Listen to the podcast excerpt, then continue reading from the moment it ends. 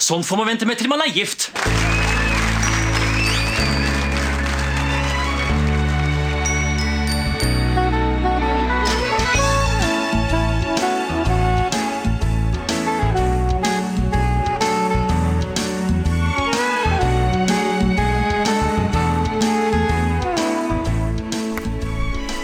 Hei, velkommen til en ny episode av Norsk film filmpodkast. Podkasten hvor vi ser norsk film med et kritisk, men kjærlig blikk. Navnet mitt er Emil. Jeg sitter her som alltid med. Stefan heter jeg. Eh, før vi spiller denne episoden, så må vi bare ha én ting helt klart. Eh, vi kommer til å prøve å snakke så lite dritt om den filmen her som mulig. Og det er fordi vi er litt redde for Leon Bashir. Leon Bashir, som har regissert denne filmen, han har, flere, han har noen voldsdommer, i hvert fall én, hvor han har trengt seg inn i en leilighet og, og banket opp noen. Så vi bare sier at vi syns 'Tomme tønner' er kjempebra, og det er den beste filmen vi noen gang har sett. Kors på halsen. Det kan jo kanskje gå rett videre på terningkast og så bare avslutte episoden med en gang. Ja, kanskje så terningkast fra meg er terningkast syv. Jeg syns den sprenger skalaen. Ja, ja, uten tvil. Syv, kanskje åtte til og med. Og uh, jeg bare, bare Nei, nei. Eh, vårt mandat er at vi faktisk må snakke om filmen. Men vi er veldig positive, og det er noe av det beste vi noen gang har sett. Det er på lik linje med Tarantino. Uh, ja. Guy Ritchie. Uh, Lock, Stock and Two Smoking Barrels. Erik Poppe. Jeg, fan, jeg, fan, jeg ødelegger litt, for jeg, jeg, jeg, likte faktisk Tomme tønner veldig godt. Så nå, nå klarer ikke jeg å si det med troverdighet. Utover episoden. Hvis, hvis, hvis, vi spiller av traileren nå, så kommer vi tilbake igjen uh, med en Ja. Hør på traileren, og så kommer vi tilbake til dere.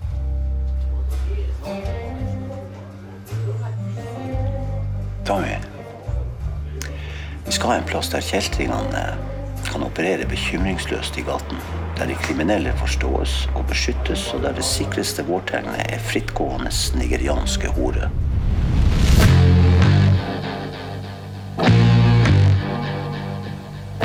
Fido ringte. Han fiksa oss en jobb for dansken, liksom. Det er en villainnbrudd. Og jeg skal skaffe meg en jaktfalk i fugl. Falken bort på en fucking SMS! Det var ikke Det var ikke god stemning her i dag, for å si det sånn. Du hørte dansken. Vi må erstatte falken. Så, gutta. Hva vet dere om sprit? Hva i skittens navn er det?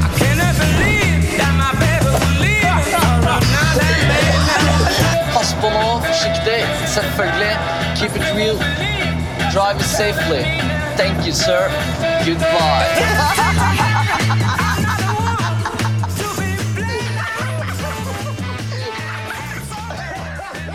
Dette her er en film fra 2010 som er regissert av Leon Bashir og Sebastian Dahlén. Jeg håper jeg sier det riktig. Det er liksom sånn, litt sånn aksenttegn over e-en der.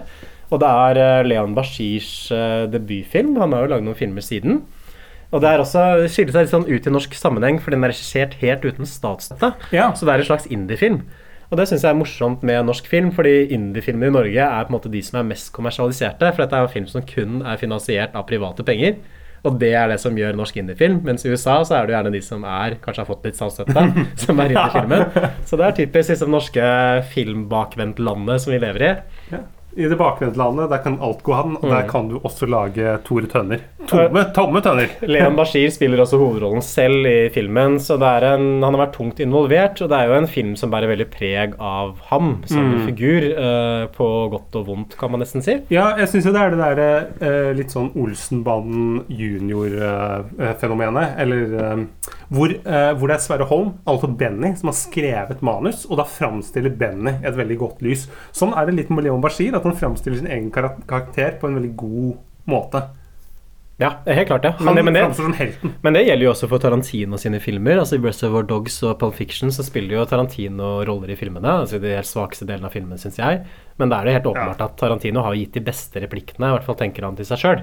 Ja, Det er litt som eh, Tommy Steine i Komikameraten. Han, han, han tar, tar det beste selv og skal ha mest oppmerksomhet. Hør vår episode av Komikameratene hvis du er interessert. Eh, filmen åpner i hvert fall med at det er en sjelden utstoppa falk som blir auksjonert bort. og blir solgt for to millioner kroner til den mystiske herren med bart. Ja, eh, og den falken her går jo, den går jo liksom fire ganger over prisantydningen på 500 000. Selges for to millioner. Vi klipper raskt til Ali, eh, som da er Leo Bashir, eh, Leon Bashirs karakter. Han er eh, gangster, har alltid vært gangster. Eh, det kommer vel en, og sånn der, litt sånn, en sånn voiceover der, Ja, ja, ja, som det alltid gjør. Man får et sånn helikopterfoto først, sånn innflyging over Oslofjorden. Sånn rock på Å! soundtracket, ganske sånn energisk åpning. La meg bare komme med et innspill her, fordi det er typisk filmer i den perioden her, eh, 2010-tallet. Dere som sitter på filmskolen i Lillehammer, dere må finne fram blokk, penn og papir og skriv ned, for dette her har dere lært på utdanninga. Eh, da, det var da eh, Barcode var ferdig, Oslo var en storby. Gjett om vi skal panorere og vise disse flotte blokkene liksom fra avstand, og vise at Oslo det er internasjonalt. Chicago, hva er nå det? Jo, vi har vårt eget Oslo. Jeg syns det var en kul åpning. Og så får man voiceoveren til Leon Bashir. Han sier Norge, kanskje verdens beste land for kriminelle. I henhold til den norske stat er vi alle ofre. Ergo et land fylt av småkjeltringer. Og så sier han videre så lang tid tilbake jeg kan huske, har jeg alltid vært en gangster. Og det er jo en åpenbar referanse til uh, Goodfellas, fordi den åpner med at Ray Liotta, altså hovedpersonen i den filmen, sier As far back as I can remember, I always wanted to be a gangster. Men legg merke til forskjellen der, fordi i Goodfellas er det jo always wanted to be. Jeg alltid ville vært en gangster. Mens i Tomme tønner så har jeg alltid vært en gangster. Og Ja. Goodfellas er jo en slags sånn kritikk av mafiasjangeren, en sånn dekonstruksjon av mafiasjangeren, som viser at han ønska å bli en gangster, men det var ikke noe godt liv likevel. Mens Tomme tønner er jo i mye større grad en sånn hyllest til det å være kriminell, som ikke har den kritiske distansen som kjennetegner uh, Scorseses eh, film. Jeg må si også innledningsvis at det er en helt sjuk cast på den filmen der. At man får liksom Ja. fortitlene. Snakk om kjendiseri! Du har, du har Kristoffer Joner, Kim Bodnia, Anders Danielsen Lie, Jenny Skavlan, Slavko Labovic, som er kjent fra Pusher-filmene, Bjørn Sundquist, Geir Børresen, Lene Alexandra Øyen. Så det er utrolig som rollelista han har klart å stave Ja. på beina, særlig med tanke på at det er en debutfilm. Og da kan du si at uh, verken Lene Alexandra, Jenny Skavlan eller Geir Børresen, som er kjent uh, som mannen inn i Max Mekker, gjør en spesielt sånn god skuespillerprestasjon. Men likevel, tenk å ha fått med seg den gjengen her. Ja, det er, det er imponerende. Det er en del sånn cameo, altså. cameo sånn underveis, så det, det kommer vi jo til. Dette er en cameofilm eh, som vi i Norsk Film Filmpodkast er veldig glad i. Tror du Leon truet dem på livet for at de skulle bli med i filmen? Nei, vi får se. Det starter iallfall med at eh, Leon Bashir kommer ut av Oslo kretsfengsel og blir møtt av to som venter på ham. Han kommer ut med en plan. Igjen så er det veldig tydelig referanse her, men denne gangen ikke til amerikansk gangsterfilm, men til norsk gangsterfilm. Dette er Olsenmannen. Du Ja. tenkte på det? Ja, ja, ja. Er du gæren? Jeg er jo en Olsenmann-fan av min hals. Det er jo utenfor botsfengselet. Tre, tre typer. Mm. Eh, det er bare å slenge på musikken. På måte Mer tydelig kan det jo ikke bli. Jeg syns det var et kult grep. Ja. At det er litt sånn artig for en sånn type film som forsøker å være så Den er veldig sånn amerikanisert, men samtidig så nikker den også til den norske filmtradisjonen og plasserer seg innenfor den. Jeg syns det var veldig stilig og jeg tror ikke liksom Issat ville ha gjort det samme, hvis du skjønner hva jeg mener. Og liksom dratt en sånn åpenbar parallell til Olsenmannen på den måten som Bashir gjorde her. Og så er den, øh, så er den så det, det, er ikke liksom, det er ikke for tydelig heller. Han har i hvert fall ikke slengt på musikken. Om, om Nei, hvis man vet, så vet Hvis man skjønner det, så skjønner man det, liksom. Men det er liksom sånn lite nikk. Ok, ja, det er den type film vi skal se. Liksom det er sånn film som på en måte har en viss sånn selvbevissthet ved seg, og som posisjonerer seg også innenfor en filmtradisjon. Ja, en mer useriøs uh, filmpodkast ville jo kalt det den 15. Olsenbanden-filmen. Bare for å få, like, få kliks og liksom, likes på TikTok og sånn. Men vi er jo ikke der. Nei. Vi er seriøse liksom, fagpersoner, og vi må holde oss til fakta. Uh, Leon Bashir forteller til resten av gutta at vi har en situasjon i Oslo hvor det er Kim Bodnia, altså dansken, som styrer eh, byen. Godt hjulpet av eh, Slavko Labovic, som er hans uh, høyre hånd, eller hans muskler, kan man si. Ja, Uh, vi får en sånn scene tidlig hvor Kim Bodnia og han Slavko drar på et kontor for å banke opp noen. Her er det en liten kamera av Odd, Odd Magnus Williamson i den scenen. La du merke til det? Nei. Han er så vidt på skjermen. Oi. Så han har tydeligvis jobba på kontor før han uh, fant på Tina Bettina og fikk en lysende humorkarriere. Oi. Jeg lurer på hva han har jobbet. Tror du han er finansmegler? Kanskje det. Nei, jeg tror det, det, er, det er vel en cameo, tenker jeg. Men han- igjen så er det litt sånn smakfullt at han er så vidt på skjermen. Så er det liksom ett bilde. Vi blir også introdusert for Kristoffer Joner, som er uh, junkie. Han går liksom rundt i en sånn beige, ganske skitten dress og en sånn duffelbag fullt med tjuvgods. Litt sånn lindress, sånn som du ser det for deg at liksom, Hvis du har sett Edvard Munch-filmen, så er det sånn han driver og sprader rundt i liksom, tidlig på 1900-tallet. Eh, og Kristoffer Joner han skal selge en eh, mobiltelefon. Og dette er jo ikke en eh, mobiltelefon. Dette er jo ikke sånn som vi, dere ungdommer, ser for dere. liksom en, en Kanskje en, en heftig Samsung med liksom åttetommers skjerm og liksom eh, smartphone-apps og ja, hvor du kan drive og fjolle rundt.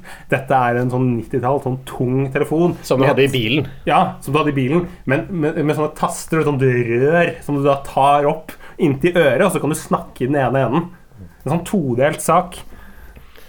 Og Vi får også en sånn scene tidlig mellom Kim Bodnia og en sånn svensk eh, mafiadronning. Eh, jeg må innrømme at jeg sleit veldig med å skjønne hva Kim Bodnia sa i de scenene. Ja, Det er kanskje fordi jeg har litt sånn feber, men det kan også hende at jeg, jeg så en sånn YouTube-ripp lasta opp av brukeren Hugo da King 1337.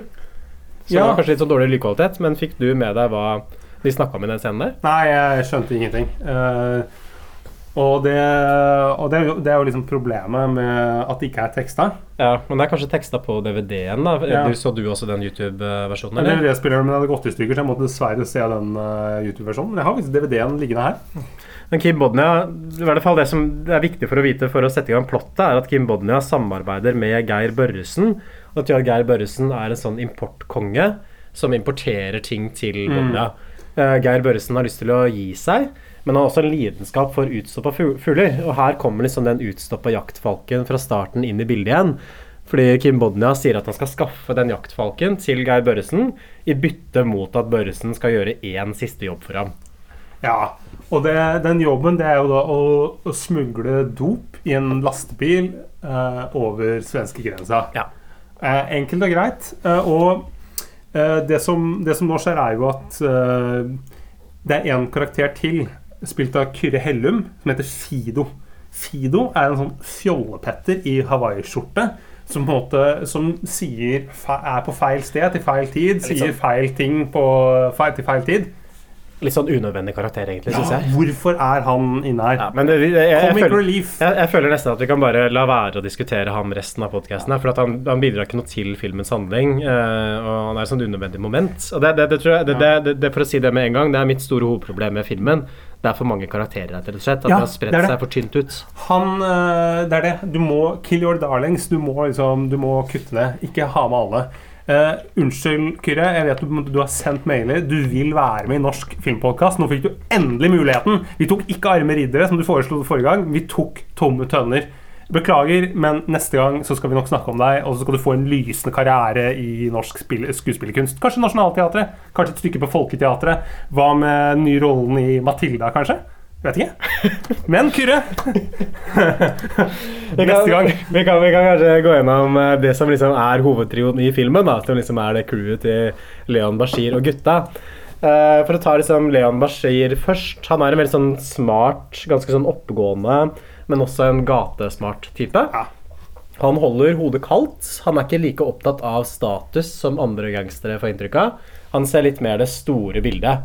Han har også en veldig merkelig stil, for han går med sånn korterma hvit V-halsgenser oppå en rutete skjorte som liksom stikker opp fra kragen hans. Og så har han sånn halvlangt, fett hår med midtskill. Jeg syns kanskje ikke at Leon Bashir er den beste skuespilleren jeg har sett. I hvert fall sånn i replikkleveringen så snøvler han en del. Men jeg syns at han spiller rollen sin med veldig sånn tydelig selvtillit og tilstedeværelse. Ganske ekspressivt ansikt. Ja, han, Så jeg syns han fungerer ganske godt til å bære den filmen her. Selv om det kan jo fort bli liksom, Hvis man har en regissør som caster seg sjøl i hovedrollen, så kan skuespiller fort lide under det. Men jeg syns at, at den skuespillerprestasjonen hans fungerer helt fint. ja, jeg er ikke, ikke så veldig imponert. Jeg syns det er eh, jeg synes det, er, det, er, det er amatørmessig og liksom litt, eh, litt slapt. Og så får jeg på en måte Jeg får ikke noe inntrykk av hvem denne fyren er. Nei, men hva med kompisen hans? da? De, de er kanskje litt mer av den enkle typen. da, For det er Anders Danielsen Lie. Han er veldig sånn wigger. Han har sånn Compton caps på snei. Han har sånn dressjakke med masse dollarsedler på. Sånn durag. Uh, han andre, han, eller han tredje fyren i gjengen, han får ikke så veldig mye inntrykk Er det Tommy Sharif, eller er det Nei, en- han har vel et Alejandro, navn- Jeg ligner litt på Alejandro Fentes også. Nei, jeg, jeg, skal se hva, hva skuespilleren heter, da. Skal jeg se om jeg finner det her. Eh, Farrak Abbas, tror jeg han heter. Ja. Eh, Jeg har ikke sett han verken før eller siden den filmen her. Han er, han er, han er litt sånn underutvikla, kanskje med sammenlignet med de andre to. Anders Hansen Lie er en veldig sterk skuespiller, så han tilfører liksom alltid noen til rollene sine og blir så minneverdig. Mens han tredje er litt mer sånn Men kan jo si liksom, hvis det er en Olsenmann-film, så er Leon Bashir er Egon, og så Anders Hansen Lie er Kjell. Ja. Og så blir han uh, Farrak, eller eh, hva han het. eh, Farrak Abbas han blir på en måte Benny, som er den mer sånn anonyme delen av trioen. Ja, ja, det er godt sett. Og eh, det, det, det som er at eh, han um, Anders Danielsen Lie, den karakteren, er jo også liksom sånn Kjell han er jo alt, han er alltid mest redd Ja. når de skal gjøre liksom, sine liksom, kupp eller brekk. Og eh, for dere som ikke har regna det ut, da. eh, hvem er det som skal stjele jaktfalken?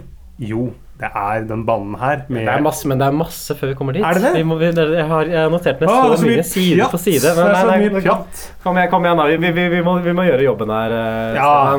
Så fordi Leon Bashir har også en fortid med Jenny Skavlan. Mm. Uh, før han røk inn i fengsel. Uh, han har sagt til henne at han var på jordomseiling. Det tror hun ikke noe på. Nå prøver han å plukke opp tråden. Hun er litt sånn motvillig, men vi skjønner at hun egentlig er hypp. Det er også en scene hvor de er på et utested, hvor man får en sånn cameo av Petter Pilgaard på gata. Ja, de stjeler en mobil fra Petter Pilgaard. Ja, som Leon leverer tilbake og sier sånn Nei, gutta, drit i dette her. Vi gidder liksom ikke å drive og stjele mobiler. Vi, vi må se liksom på det store bildet. Jeg vil ikke at alle skal gå rundt og tenke på meg som en idiot. Det tenker jeg er en god leveregel. Smart, uh, Leon. Og så er det en scene, ganske sånn artig scene, hvor de røyker noe sånn sticky icky som Anders Dansen Lie har stjålet av Snoop Dogg. Og så blir det sånn sjukt skakke hele gjengen og drikker masse sprit, og liksom Leon Bashir kaster en stol i veggen og liksom helt sånn party, da. Og det er en sånn kul kåk, for det er en sånn Scarface-plakat som henger på veggen. Ja, det er kult. Og så har de tagga Thugs Mansion med Z. Men jeg har ikke tagga det rett på veggen, men jeg har tagga det med sånn papplate som de har teipa opp. Oi! Så det er åpenbart litt sånn fornuftig, da, istedenfor fordi Vi leier, vi vil kanskje ikke miste halve positumet liksom på å tagge det rett på den uh, fiberstria som ligger på, på gipsplaten her. Men nå kommer vi til den uh, falken, eh, Stefan. Ja. Fordi gutta har fått jobb fra han dansken, Kim Bodnia, for å stjele denne falken for å gi den til eh, Geir Børresen, for å få han til å gjøre en siste narkosmuglerhandel. Og dette er liksom den store sjansen deres. De har venta på å komme seg opp i the big game, komme seg opp med the big dogs i Oslo. Nå gjelder det å ikke forspille muligheten hvor de har fått, og de får liksom oppgave å stjele den falken, da. Ja, og eh, her er det sånn en morsom scene hvor de drar, uh, drar til et sånt atriumhus et eller annet sted og ringer på døra. Eh, Det er veldig morsomt, fordi Ja. det står på ringeklokka Er det ikke Fridland? Er det det, er personen heter? Den- den- Fridland var jo sånn som sto på alle ringeklokker før. det er latter, eh, latter eh, live-materiale, altså. Det er bra. Og de har planer om å liksom, Planen deres er at de skal dope ned eieren av den falken og skyte liksom en sånn stungun på den, og så sette et, uh, en sprøyte, sånn at de skal bare stjele falken i ro og mak. Men det ender opp med at uh, han med, som står med sprøyta, blir tasa. Han får en taser på seg. Og at Anders Dansen Lie får sprøyten i halsen istedenfor. Ja, og Han ser litt ut som det der uhy uhyret fra Toxic Avenger etter han har på en måte fått den der sprøyta på seg. Får sånne store byller på halsen og blir jo ordentlig sjuk. Så det er jo og vi får jo vi får vite at den sprøyta her Det er noe de har funnet ut på gata. Ja. Så det er, det er farlige saker. Men de klarer jo likevel å stikke av med falken, Ja. og så feirer de med mer sånn stikk-ikke. jeg, jeg må si sånn der, i, i anslaget på filmen Jeg syns den har en veldig frisk stil. At det virker som at de som har lagd filmen, har kosa seg noe veldig når de har lagd den. At det liksom skinner gjennom at det er mye sånn energi i skuespillet, mye energi i klippinga. At det virker for meg som det er et sånt overskuddsprosjekt. da Mange gode ideer som har klart å integrere liksom inn i filmen her. Jeg syns det også er kult at de har filma liksom ganske sentralt i Oslo. F.eks. sånn utenfor Oslo S, men det filmer de uten å sperre av gata. Litt sånn fransk Ja. nybølgestil. At de bare drar ut på gata og filmer. Eh, det er sånn lavt budsjett på filmen, og det synes jo kanskje tidvis, men jeg syns de har fått veldig mye ut av de pengene som de har. Jeg som trodde du kom til å si at filmen var håndverksmessig og eh, Nei, jeg, jeg syns ikke det, det, For det, det er så mye gøy med sånn komisk vignett også, hvor de bøffer den der lilla kabrioleten ikke sant? og skal liksom kjøre Ja, rundt i byen og er imponere damene. Og så stopper de utafor Oslo S, og så er det et eller annet med stereoanlegget hvor liksom 10 000 tommeltotter kommer på full guffe, og så klarer de ikke å kjøre videre, og folk begynner å filme og sånn, og Kristoffer Joner sitter der, og han begynner å kose seg og synge med. Jeg syns det er bra sånn karakterbyggingsopplegg. Ja, som skjer du, er jo ikke en kul fyr hvis du kjører rundt i en rosa bil med 10 000 tommeltotter på stereoen. Mm. Du, skrotnisse. Det her funker ikke. Det er alltid noe mig inni greiene mine. Det er defekt, altså.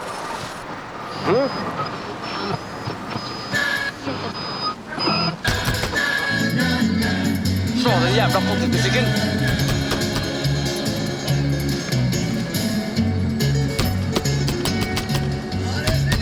Faen! Alle ser på oss, faen ikke. Alle ser på oss. Hæ? Alle ser på oss. Det er ikke han derre Ali du deala med for fem år siden eller noe? Nei, jeg trodde han satt inne. jeg. Nei, nei. nei. nei. Ali er bare Han har vært på seiltur.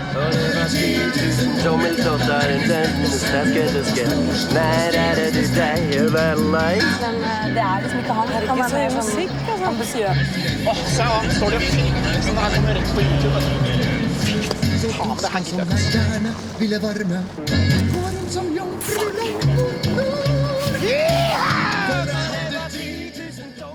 Men problemet mitt med det der er at dette er sånn typisk norsk humor fra den perioden der. At, at uh, norsk humor er Det er litt uh, det er litt sånn som i dag, i siste eh, sesongen, hvor er, de får en sånn grevling inn i bilen og begynner å fise rundt. At det er noe med den derre Eller, eller i, i Siste revejakta, hvor han er hovedkarakteren sitter og hører på Erik Bye og liksom får ei ung dame til å strippe til det. Det er litt den derre Det er noe med det der litt sånn crazy greiene som på en måte som, som for meg det er ikke det er ikke humor. Altså, jeg synes det, det, det gjør seg godt i en sånn film som er laget på filmskolen, men jeg syns ikke det har noe liksom i, uh, i langfilmer å gjøre. Det aner meg at dette kommer til å være en av de filmene som jeg er mest uenige om, uh, Stefan. Uh, Nei, nei, nei. Jeg har jo allerede gitt den terningkast åtte. Vi får, får klipp til Nord-Norge. Her er det to sånn sjarmerende nordnorske gangstere. Blant annet har plassert en sånn sjømannsbrud på lokket liksom over bensinluka på bilen sin. Så når de skal fylle bensin, så må de på en måte stikke pumpa Oi. inn i den plastvaginaen. Problemet er jo at den plastvaginaen er jo plassert liksom oppå lokket på bilen.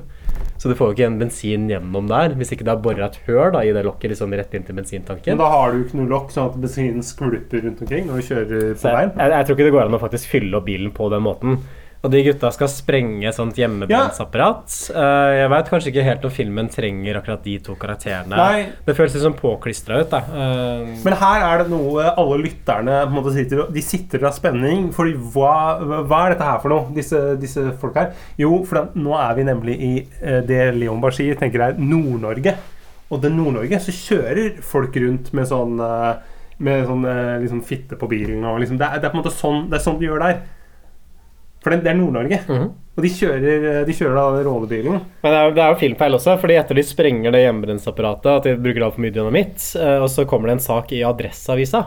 Ja, det Men det er, jo, men det er jo avisen i Trondheim. Ja, Og det er Midt-Norge, det. Ikke Nord-Norge. Ta Nordlys eller noe sånt. Kanskje Avisa Nordland. Altså, eller en lokalavis. Dere har jo det der oppe òg. Du har jo jobba i den avisen, eh, Stefan, så Ja. du veit jo i hvert fall hvor den ligger. Ja, ja, ja, er det. Jeg har lest den et par ganger. Ja, til og med. Rett ved år Bakke. Bakkebrua. Den der, liksom, den der svære bygningen som tar liksom hele sjøfronten der. Så det, det vet man. Og det, det, det burde Leon Bashir. Eh, sjekk Wikipedia før du skriver film neste gang. Det er typisk sånn søringsgreie at man tenker at alt for nord, nord for Lillehammer er Nord-Norge. Ja, så adressa til Trondheim Så- også er Nord-Norge. Ja, så arrogant. Det synes jeg det er sånn arrogant. Og for oss som har bodd i Trondheim i mange år Nei, vi var en del av Sør-Norge da. Vi var nærmere Oslo enn vi var til Finnmark. Og Ja, ja, vi, vi har ingenting med de folka der oppe å gjøre. Det er ikke noe for oss. Hei, hei. Skal ikke ta litt mer? Er. Den er full av sats. Men hva er vitsen? Altså, vi har jo mer her. Men vi bare klinke på litt ekstra, så jeg sikkert blåser alt her til helvete. ok? Slutt med kakling. Du hørte hva Tommy sa. Diskré. Vi skal bare ha et hull i tanken. Diskré, hæ? Akkurat som da pulte mor di på Gran Canaria. Hæ? Ingenting?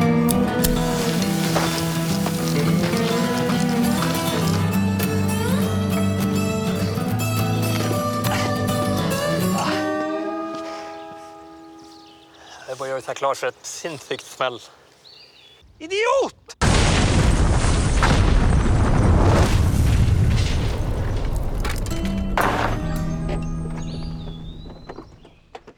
Formålet med den nordnorske sekvensen er å introdusere Bjørn Sundquist, som spiller en sånn lokal spritkonge som har lyst til å utvide businessen sin ned til Oslo. Og som Ja. dessuten er i slekt med Anders Dansenli, viser det seg. Ja, eh, og han har en sånn henchman, en sånn underdirektør, som, heter, som er spilt av Vegard Hoel. eh, kjent som han kjipe fyren i United, for dere som eh, så det, hørte den Og episoden. Mongoland. Ja, Mongoland. Uh, døde altfor tidlig, og liksom en, en, en sterk skuespiller. Dette er bra! Vi har fått inn Vegard på laget. Men apropos Anders Dansen Lie, så er det en sånn sekvens her hvor eh, det er en sånn drømmesekvens hvor eh, Anders Dansen Lie danser ganske sånn brun med en sånn svart dame. Så det er nesten litt sånn blackface-aktig, syns jeg. Å ja, den, den gikk meg hus forbi. Men de våkner i hvert fall opp fra de søte drømmene sine til en rekke problemer. At Anders Hansen Lie har fått en stygg svulst på halsen etter å ha fått i seg en sprøyta. Jenny Skavlan er pottesur. Og det aller verste er at falken har blitt stjålet av Kristoffer Joner, viser det seg, som Ja. har den falken nå i bagen sin. Han har gjort et innbrudd i bilen til eh, Leon Bashir. Som han Eh, ikke visste var bilen, for den hadde jo nettopp skaffa seg dagen før. Men vi som ser det, vi, vi ser at den ligger i veska hans. Eh, og nå blir det jo full baluba, fordi Geir Børresen og dansken og hele den gjengen er jo ikke fornøyd med at denne falken er stjålet. Så de vil at eh, Leon Bashir og gjengen hans skal eh, finne tilbake falken, eller betale 500 000. Som jeg syns var ganske 50 000, er det ikke? Nei, nei, 500 000.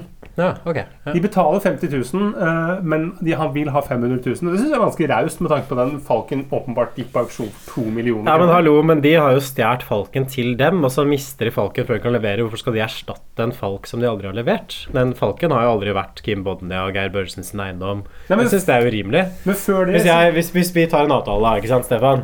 Jeg sier at jeg skal stjele noe for deg, Mm. og så er den tingen verdt to millioner, og så gir du meg 10 000 kroner for å stjele den tingen. Og så mister jeg den tingen før jeg kan gi den til deg. Nå skal ikke jeg erstatte hele den tingen. Jo, det tenker jeg at du skal gjøre, fordi at eh, Du tenker det, ja? Ja, fordi at eh, jeg, Før det så visste jo jeg at uh, falken var også eh, han fyren med bart. Men nå, hvor er Falcon? Ja, nå er den ute i fri, ja. Ja, du mist- du har mistet kontroll over den, da. Ja, Ja, mm. Det er enda vanskeligere å finne den. Før det kunne jeg bare betale noen, eller kunne du gått dit selv. Nå er den liksom, Det kan være hvor som helst i hele verden. Ja, så jeg får et erstatningsansvar. Ja, det syns jeg du får. Mm. Det er noe med å levere. Det er en slags som Det er det som er som det er med deg. ikke sant? Det er derfor du hadde blitt en mye bedre gangster enn det jeg hadde blitt. For at du er så knallhard. Ja, Du skjønner bare, den gatelogikken. jeg er en sånn Eivind Hellstrøm-type. Jeg Bare slår igjennom. Ja, videre som skjer, er at Bjørn Sundquist etablerer kontakt med Oslo-gjengen og hyrer dem inn til å brenne sprit for ham. Og det som er den kalde krigen mellom Jenny Skavlan og Leon Bashir begynner å tine litt. Jeg vet ikke, hva tenker du, Stefan? Trenger vi å gå gjennom det kjærlighetsplottet med Jenny Skavlan og Leon Bashir? Jeg syns ikke- at det var sånn åpenbart. Ok, man, man trenger dette i et kjærlighetsplott. Det er ikke noe inspirerende gjort. Det er ikke noe å nevne om det. Dette er et sånn klassisk kjærlighetsplott skrevet av en mann, hvor eh, kvinna er liksom sånn ofrer seg, heroisk jobber på sprøytebuss, men syns at typen liksom, Han er for hard og på en måte gjør ikke de riktige tingene. Han er ikke snill nok. Og en veldig sånn forenkla kvinnekarakter. Men nei, vi trenger er ikke å snakke om Det den ikke den. beste kjønnspolitikken, nei. Og Jenny Skavlan framstår jo også som en ganske sånn tanketom eh, Hva skal jeg si tøyte, liksom, i, Ja. i rollen sin. At hun er bare interessert måte, i status og penger, og det sier jo også Leon Bashir til henne. Og Ja. filmhandlingen bekrefter jo også hans oppfatning. Ja, det, tenker jeg, det, er, det er en klisjé-ting av Leon Bashir å si, eh, men, men sånn som han har skrevet karakteren, så oppfatter jeg at han har, han har rett i film, men ikke i sak. Ja, Det er artigere det hovedplottet. Det er sånn ganske morsom scene synes jeg, hvor gutta skal rane en trailer for 400 kilo sukker for å begynne liksom, å produsere den hjemmebrenten sin. da, At de trenger veldig mye sukker og gjær. Ja. Uh, og Uh, det er en sånn gjennomgående vits også om at Leon Bashir og Anders Danielsen ikke klarer å bli enige om hvordan de skal holde i et gjerde for å kunne hoppe over det på best mulig måte. Fordi Anders Danielsen er veldig opptatt av at gjerdet skal holdes opp for å få stabilitet, mens Leon Bashir mener det skal holdes ned for å få effektivitet. Du holder den ned der, så hopper jeg over. Ja, jeg holder den opp. Det er det du mener? Jeg mener du holder den ned for jeg skal hoppe over. Nei, nei. Hvis vi skal hoppe over gjerdet, så må du holde opp. Ellers blir det jo, det blir jo ikke stabilitet. Det må jo være stivt, ikke sant? Det må holde opp. Hvor er det stabilitet kommer inn i bildet når vi skal ha effektivitet? Vi skal over. Åh, cut crap på. Altså, vi skal over det gjerdet. Det må være stivt. ikke sant? Du prøver- Jeg holder opp. Hold der. Du gjør det vanskeligere for meg. Hvis den Nei, jeg det hvis den er opp, så Jeg blir du høyere. Men kan ikke du holde hvor Du, drit i det jævla lyset, for faen. Ok, hør nå. Hvis Jeg holder der, Kan og du du holder bare der. holde Dette deg er hvor- Kan du fjerne de jævla lyset? Det kommer til å gå som et jævla jojo, skjønner du? Er det jeg som skal hoppe over, eller er det du som skal Jeg hoppe skal også hoppe over gjerdet. Og Når etterpå du skal dere hoppe faen meg over, holde når du skal hoppe over, så kan vi snakke om stabilitet! Ja, er Nå er det effektivitet vi snakker om her! Det er sånn akademikerhumor du elsker. Det er sånn fysikerhumor. Jeg, jeg, syns det, jeg syns det var gøy, og der lo jeg faktisk høyt. Oi. hjemme i sofaen. igjen, men igjen så bare veldig sånn Olsenmannen-preg over hele filmen. Ja. egentlig Man kunne nesten sett hele Tomme tønner som en slags sånn remake av Olsenmannen. For da har det der plott, plottet om liksom at det handler om en sånn falk. Som jeg føler kunne vært i et sånt Ja, Men der har de alltid en sånn Kaiser-oppsats eller noe sånt litt mer imponerende. En, en Ja, men, men det er sånne ting som ikke er noe verdifullt i seg selv. Bare sånt rart objekt som man skal prøve å få tak i. Ja, sånn den. Kaiser-oppsatsen i den ene filmen, som er en sånn uh, gulldings som står på en eller annen utstilling. Mm. Ja, men, men det, det, det er jeg enig i. Det, det, er ikke så- dumt. Men, men problemet, det som forsvinner her, er at uh, liksom Kuppene i Olsenmannen er litt sånn finurlige. Her tar vi liksom to klesklyper og liksom en eh, halv sei og litt gammel ørret, og så greier vi liksom å få det til. Mens her så er det bare sånn Jeg har ingenting. Bare går eh, Bare klatrer over gjerdet og har en sånn Har en, en diamant. Da likte likt det bedre hvis det var sånn som i Olsenmannen på sporet, f.eks. At de fyrer opp en sånn ballong, og så liksom smeller av det, så det høres ut som pistolskudd, og så kommer gjengen inn. Du tenker at det hadde heva filmen? Men du har ikke sett Eller masse sånn der lok med liksom å bytte togskinner og bruke en halvtime på det. Til og med det er litt mer finurlig, men jeg synes nå drar du Olsenmannen ned i søla, for det er ganske mange gode kupp eh, rundt omkring der. Det er jo f.eks. der hvor de, eh, hvor de stjeler eh, liksom, Hvor de har masse ballonger oppe på rådhuset. Igjen disse ballongene. Alltid ballonger. Det har, det har jo sånn der B-plott også, fordi det er nordnorske folka skal prøve å stikke kjepper i hjulene på den spritproduksjonen. Og det blir jo nesten sånn som Biffen-gjengen i Olsenmannen, tenker jeg da. Som en sånn antigjeng. Så han blir jo Sturkvist, han dumt, tjukke dansken. Nei, de, de to nordnorske er jo Biffen-gjengen. Å ja, det er Biffen-gjengen. Men hvem er han? Er det Halle Hansen? da? Eller det må nesten du Bang svare på, som er Olsenmannen-kjederen av oss. Ja, men det er kanskje Bang Johansen er Bjørn Sundquist, og Halle Hansen, som alltid er den underordnede, er da Vegard Hoel. Så det blir masse sånn frem og tilbake her. Vi trenger kanskje ikke gå et Ah, detalj på plottet. Fordi de, de, de stjeler liksom, Det er nordnorske gjengen stjeler det sukkeret. Og så må Leon og gjengen liksom jobbe for å stjele sukkeret tilbake. Men så er det ikke sukker likevel, fordi det er dresser. Og så From kommer liksom Bjørn Sundquist og skal selge de dressene til han Kim Bodnia, men så er det egentlig Kim Bodnia sine dresser, så Bjørn Sundquist blir skutt. Og så viser det seg at det er jo ikke sukker i den andre bilen heller, for det er jo heroin. Så gutta som Anders Dansen Lie og han andre, han Farrak Abbas, eh, blir jo supersteine når de skal stå og lage hjemmebrent, for de ser åpenbart ikke forskjell på heroin og sukker, som er godt gjort. Det er dumt. Eh, så ja, vi kan jo egentlig bare gå liksom videre til avrundingen av filmen. Fordi Leon Bashir oppdager at Kristoffer Joner har falken, mens Kim Bodnia går helt sånn rampage med en tommegun, og det blir kaos rett utafor Østbanehallen Oslo S. Og Anders Hansen Lie forvandles til en slags sånn zombie. Mm. Trenger vi å bli veldig sånn forvirrende for lytteren nå, eller må vi liksom fylle inn noe mer med hva som har skjedd i mellomtiden? Nei, det er, det er jo som du sier, det er mye rot fram og tilbake med de sukkerbitene, sukkerbilene og dressene. For de trenger sukker til hjemmebrentproduksjonen. Altså ehm, Og i å stjele det sukkeret så vikler de seg opp i en sånn dophandeloperasjon Mm. som de ikke klarer sjøl. Det er jo det som skjer. Ja, og det er både liksom, Det blir en sånn forvekslingskomedie hvor da de nordlendingene stjeler sukkerbilene, så kommer Fordi de tror at det er sukker, ikke sant? Ja. men så viser det at de egentlig har stjålet dresser, og så skal det egentlig Og heroin. og så skal. Bjørn Sundquist gjøre en handel med For han tenker at uh, dresser, de Nords of Norway-dressene De kan jeg selge på det svarte markedet i Oslo.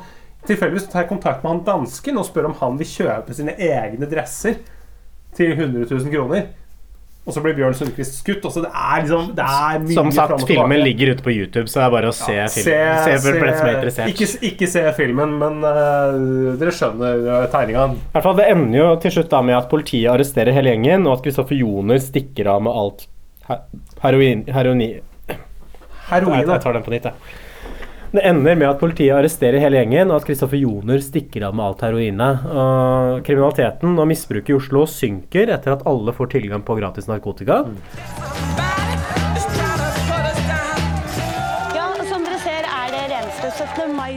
her utenfor Oslo kretsfengsel.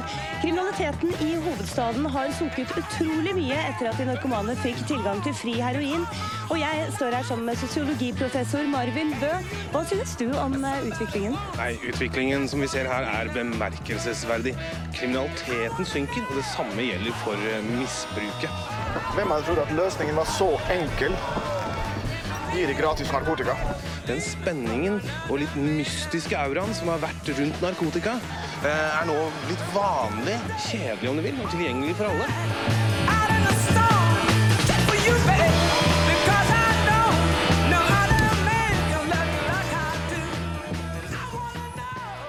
Og Leon Bashir blir en sånn folkehelt, så det er sånn legaliseringspolitikk inni bildet her også. Det er litt sånn som i uh, Olsenbanen nummer tolv, eh, som heter uh, Aller siste kupp, hvor Egon Olsen Først, Det er noe med noe våpen og sånn i Afrika, hvor han Først så blir han fordømt som liksom, han setter verdensfreden i fare. Men så snur man på det og så tenker at vi må ha en nasjonal liksom en, en, en helt. Vi trenger en folkehelt. Altså, da, blir, da blir Egon Olsen en, en folkehelt. Alle står og jubler liksom når han går inn i flyet og fiser av gårde til Mallorca med liksom sånn eh, 100 millioner i en koffert. Det er litt, litt samme Det er noe sånn strukturell likhet også med at filmen Ja. avsluttes med at hovedpersonen bures inne, ikke sant? som ofte Mm. gjør i Olsmann-filmene. men som en helt. Mm. Og da står det masse narkomane rundt med, liksom sånn, i sånne Moose of Norway-dresser og roper hurra. Eh, og er Nei, unnskyld. Leon Bashir kjører inn i. I fengselet, og så fått tjene i Skavlan på kroken, da. ikke sant? Hun Ja, er gira nå. som han ville ha. Og så ser vi eh, Er det noe seks måneder senere? Det er en sånn epilog her, ja. Fordi gutta liksom har snakka tidligere i filmen at de hadde en sånn idé om en sånn anti-eiendomsmeglingsfirma. At hvis det er liksom er en visning på en bolig som mange vil ha, så skal man stage da liksom at det er masse terrorister i nabolaget, masse voldsutøvere, torpedoer, for å drive ned prisen på leiligheten.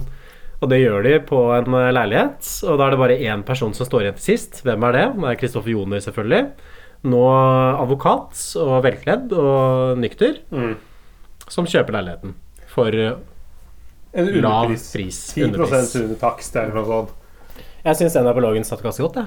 Jeg syns epilogen satt godt, og det er, en, eh, og det er liksom det er helt sånn Det er callback igjen til Olsenmannen, hvor Nico og liksom han andre fyren, Tommy Sharif, har en plan, men som Egon da ikke vil høre på.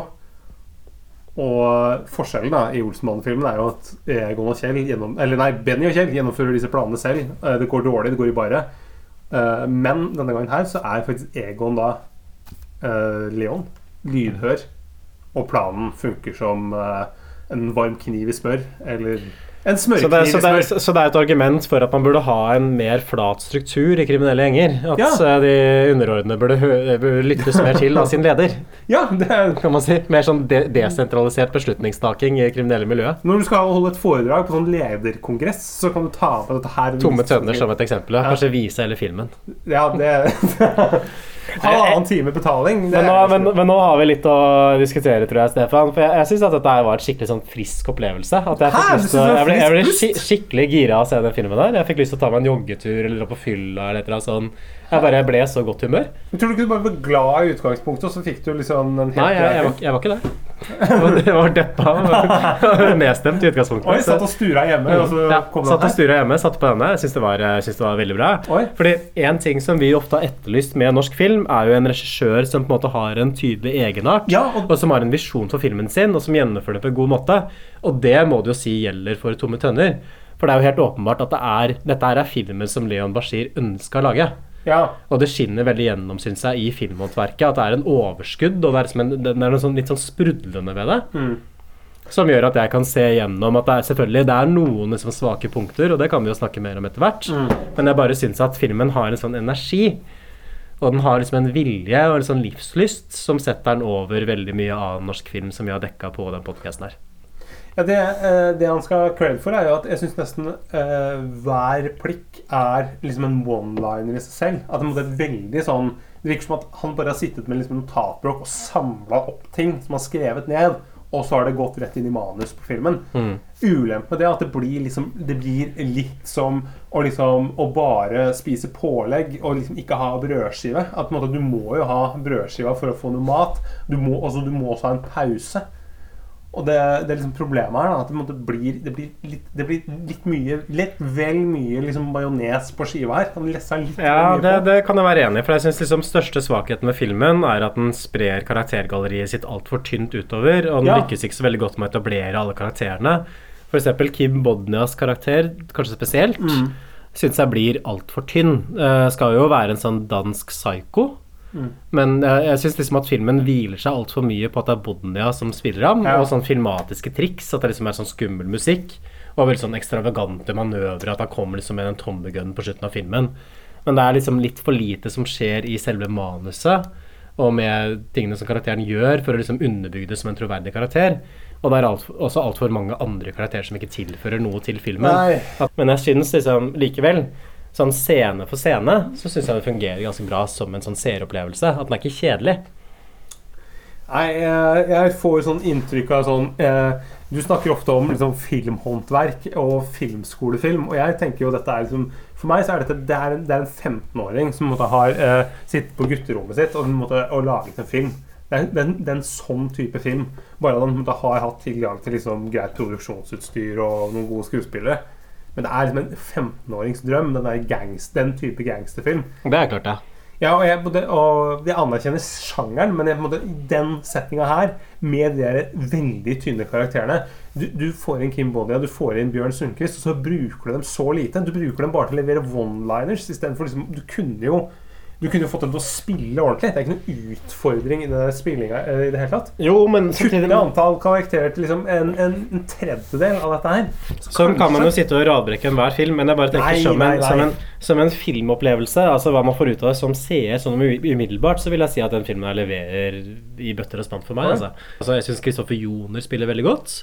Anders Dansen Lie spiller veldig godt. Bjørn Sundquist spiller veldig godt. Så man får inntrykk liksom av disse skuespillerne også. De Ganske- spiller veldig godt, men det er, på en måte- det er jo det Men- men- nok det er ikke de- med entusiasme. Hvis du selger sløve kniver, så får du ikke Det solgt dem. Du må Du kan ikke selge dritt. Du må ha noe bra. Du, Det er en skarp kniv, dette her. Fordi han er merker på Kristoffer Joner at han koser seg. At han, han liker å liksom spille denne filmen. Som Men sånne driter i om han koser seg. Jeg skal kose meg når jeg ser dette. Jeg koser meg ikke.